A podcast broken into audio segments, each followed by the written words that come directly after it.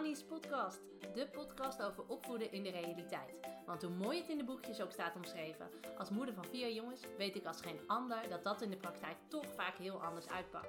Mijn naam is Annelies van Wouw Opvoedcoaching en ik laat jou zien hoe jij ervoor kan zorgen dat je kind beter luistert zonder dat je eerst boos moet worden of moet dreigen met straf.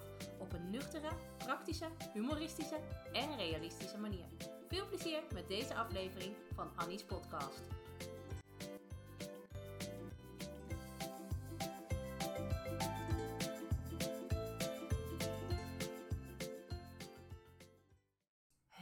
Mij de zomer door. De komende twee podcasts ga ik je vijf tips geven over hoe jij deze vakantie met je kinderen overleeft. En dat klinkt natuurlijk heel dramatisch en het is natuurlijk ook een beetje overdreven. Want vakantie hebben is gewoon leuk. En je hebt er ook zin in. Weet je, lekker een paar weken samen met je gezin. Leuke dingen doen. Hopelijk genieten van het mooie weer. En we even echt aandacht hebben voor elkaar. Zonder die drukte van alle dag.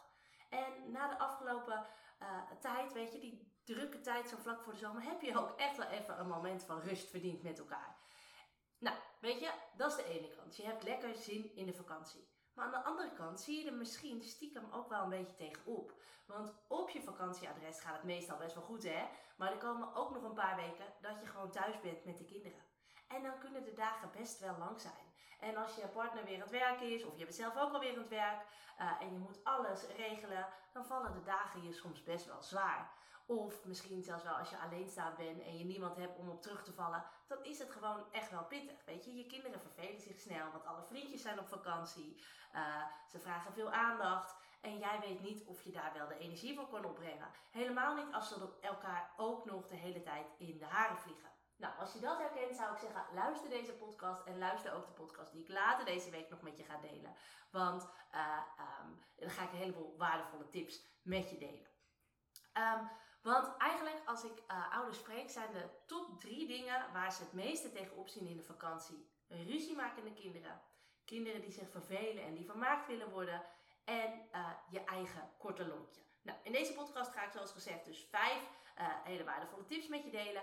Maar ik heb ook nog iets heel tofs voor je. En dat is mijn vakantie toolbox. En die vakantie toolbox die gaat jou echt helpen om goed je vakantie door te komen. En in deze toolbox zitten een heleboel praktische tips die jou uh, gaan helpen om deze vakantie relaxed en ontspannen door te komen. Want het is ook jouw vakantie. Nou, als je daar meer over wil weten, kijk even op www.wouwopvoedcoaching.nl slash vakantietoolbox en ik ga je er straks ook nog wat over vertellen. Maar um, het eerste probleem waar veel ouders dus tegenop zien in de vakantie is die strijd tussen je kinderen. En weet je, het is niet meer dan logisch dat kinderen regelmatig ruzie maken. Helemaal in vakantieperiodes. Ze zijn nou eenmaal meer op elkaar aangewezen. Ze zitten 24/7, soms in een kleine ruimte op elkaars lip. Maar hè, het feit dat het logisch is, maakt het niet minder irritant. En de eerste tip die ik je daarom wil geven is: wat je aandacht geeft, groeit. En Hanneke, dat is een uh, moeder die, uh, waarmee ik samenwerk, die had het gevoel dat haar kinderen alleen maar ruzie maakten. En dat zorgde ervoor dat ze nogal tegen de vakantie opzag. Want haar kinderen maken normaal al veel ruzie, maar in de vakantie lijkt het soms nog wel drie keer zo erg te zijn. En als ze op vakantie zijn, ja, dan gaat het meestal wel redelijk. Maar ja, er blijven ook nog vier weken over waarin ze gewoon thuis zijn, in Nederland, hè. En haar kinderen maken werkelijk ruzie over van alles en nog wat. Wie het eerste aangekleed was, wie het eerst op de iPad mocht, wie de langste tenen had. Nou ja, hè, grapje. Maar je kon het zo gek niet bedenken of haar kinderen wisten er een strijd van te maken. En Hanneke merkte gewoon dat ze dat slecht kon hebben. Als haar kinderen samen speelden, zat ze er bovenop. Puur om die ruzies te voorkomen. Hè? Dus bij ieder wisselwasje reageerde Hanneke. Ha, hou daar nou eens mee op. Doe eens niet. Hé, hey, dat is niet van jou. Geef eens terug. Nou, blijf van je zusje af. Doe niet zo onaardig. Nou, et cetera, et cetera. En misschien herken je het wel, hè? Dat jij ook het gevoel hebt dat je er bovenop moet zitten om die strijd tussen je kinderen te voorkomen. En dat je eigenlijk constant als een soort politieagent uh, ertussen moet zitten. Nou, wat gebeurt hier nou eigenlijk? Doordat Hanneke en jij misschien ook wel er bovenop zat, keek ze met haviksogen naar alles wat haar kinderen deden. Ieder tikje, iedere kattige opmerking, iedere handeling, uh, die werden door Hanneke gezien en daar reageerde ze op. En ze had haar antennes en voelsprieten vol uitstaan, omdat ze die ruzies tussen haar kinderen spuug en spuugzat was. Maar het spreekwoord luidt: wat je aandacht geeft, groeit. En hoe meer aandacht je hebt voor de negatieve dingen en de ruzies tussen je kinderen, hoe meer je ook het gevoel zal krijgen dat je kinderen alleen maar ruzie maken. Weet je, daar ligt jouw focus op, dus dat is er ook vaak. Weet je, je kan het een beetje vergelijken met het volgende. Toen ik mijn eerste autootje had, was een rode Ford Fiesta, was mega trots op.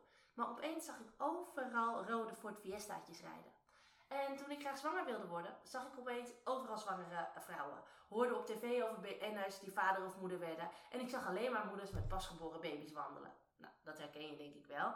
Maar er reden op dat moment echt niet meer rode Ford Fiesta'tjes rond. En er was ook geen babyboom toen wij besloten hadden dat we graag een kindje wilden. Nee, echt niet. Weet je, mijn focus lag op dat moment op die dingen. En dat is precies de reden dat ik het vaker zag. En dat het leek alsof de hele wereld een rode Ford Fiesta met een Maxi Cosi had. En zo gaat het thuis dus ook.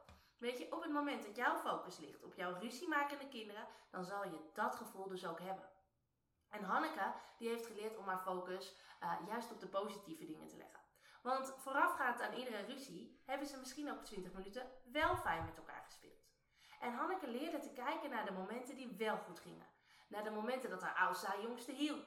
En toen ze leerde om naar die momenten te uh, gaan kijken, verlegde Hanneke haar focus en dat scheelde echt een heleboel.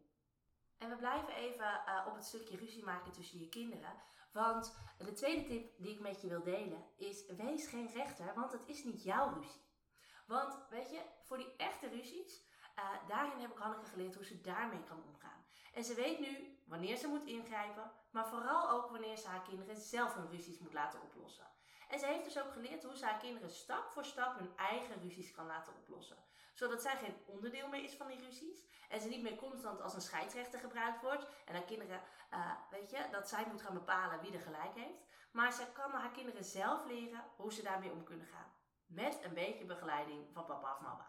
En dat kan echt al vanaf hele jonge leeftijd. Want Hanneke's kinderen zijn pas 6 en 3 jaar oud. En jij kan dat dus ook leren.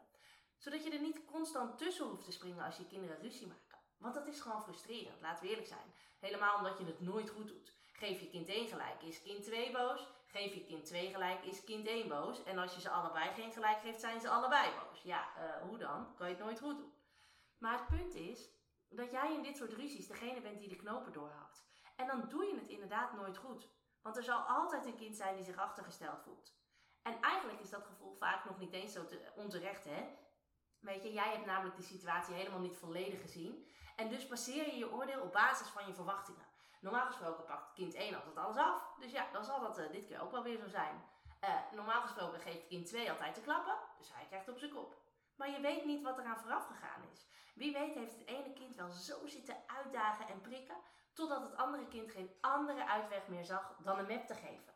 En hoe frustrerend is het voor een kind dat juist op het moment dat je zusje tot het uiterste heeft gedreven en jij een klap uitdeelt, dat dan je moeder binnenkomt en je op je kop geeft omdat je alweer geslagen hebt. Voel je de onmacht die dat kind moet voelen op dat moment? En geloof me, ik praat hiermee echt het slaan niet goed hoor. Maar ik wil je wel even mee laten zien wat je kind ervaart als je alleen daarop reageert. Hij denkt dan, zie je wel, ik krijg alweer op mijn kop. Ik heb het ook altijd gedaan. En dat geeft hem een rotgevoel. En het zal er alleen maar voor zorgen dat hij nog meer een strijdgevoel met zijn zus ervaart. Want hij neemt het haar kwalijk dat hij alweer op zijn kop gekregen heeft. En het bevestigt zijn gevoel. Zie je wel, dat rotkind, dat zorgt er weer voor dat ik op mijn kop krijg. Maar weet je, het is niet jouw ruzie. Dus jij bent ook niet degene die een oplossing moet vinden. Dat zijn je kinderen. Dat kunnen ze natuurlijk niet zelf. Nou, uiteindelijk moet dat wel haalbaar zijn hoor. Maar dat is dus wel echt iets wat ze moeten leren. En probeer dus, pardon, probeer, uh, probeer dus in de ruzies tussen je kinderen geen rechter te zijn die het eindoordeel velt, maar meer een gespreksbegeleider. Zodat je je kinderen kunt leren hoe ze met elkaar tot oplossingen kunnen komen.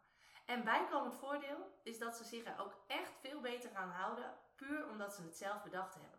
En dat klinkt misschien als een utopie, hè? dat je kinderen zelf gaan leren om hun ruzies op te lossen, maar dat is echt mogelijk. En kinderen leren namelijk ook op die manier te onderhandelen, naar elkaar te luisteren, compromissen te sluiten. Veel meer dan wanneer jij tussen beiden komt en zegt, nou, dan gaan jullie allebei maar niet op de iPad, punt uit. En in de vakantie toolbox, waar ik uh, op het begin al wat over zei, zit onder andere een heel handig stappenplan waarmee je dat kan leren. Ook als je kinderen nog jong zijn. Dit kun je echt al vanaf een jaar of tweeënhalf toepassen. Alleen dan is het natuurlijk heel belangrijk dat jij uh, je kind uh, helpt om te verwoorden wat hij wil. Maar dat ga ik je allemaal leren.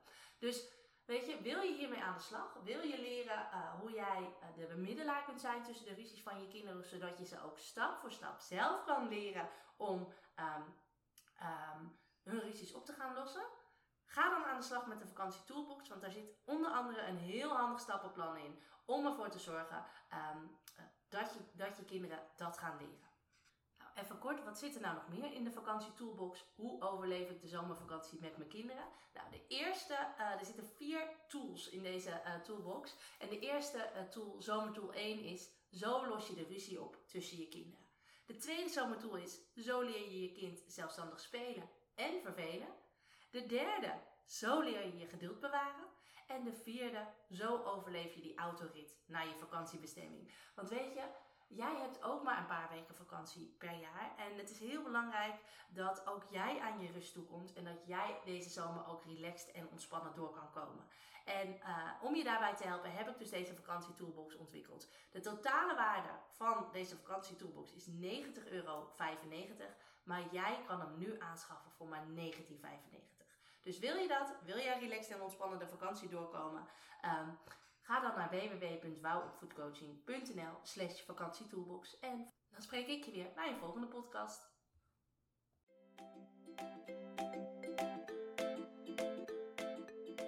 Superleuk dat je deze podcast hebt beluisterd. Kan je nou niet wachten tot de volgende aflevering van Annie's podcast? Ga dan naar Instagram, zoek me op via wouwlaagstreepje-opvoedcoaching, want daar deel ik iedere dag toffe en inspirerende tips met je. Om er zo voor te zorgen dat het opvoeden van je kind leuker en makkelijker wordt. Wil je nou nog meer weten? Kijk dan ook even op www.wouwopvoedcoaching.nl slash gratis. Dan kun je je aanmelden voor mijn gratis e-book met 20 tips om ervoor te zorgen dat je kind beter gaat luisteren. Of je kunt je alvast aanmelden voor het webinar Stop met politieagentje spelen. Allebei gratis, dus je hebt eigenlijk geen enkele reden uh, om het niet te doen. Ik zie je volgende keer bij een nieuwe aflevering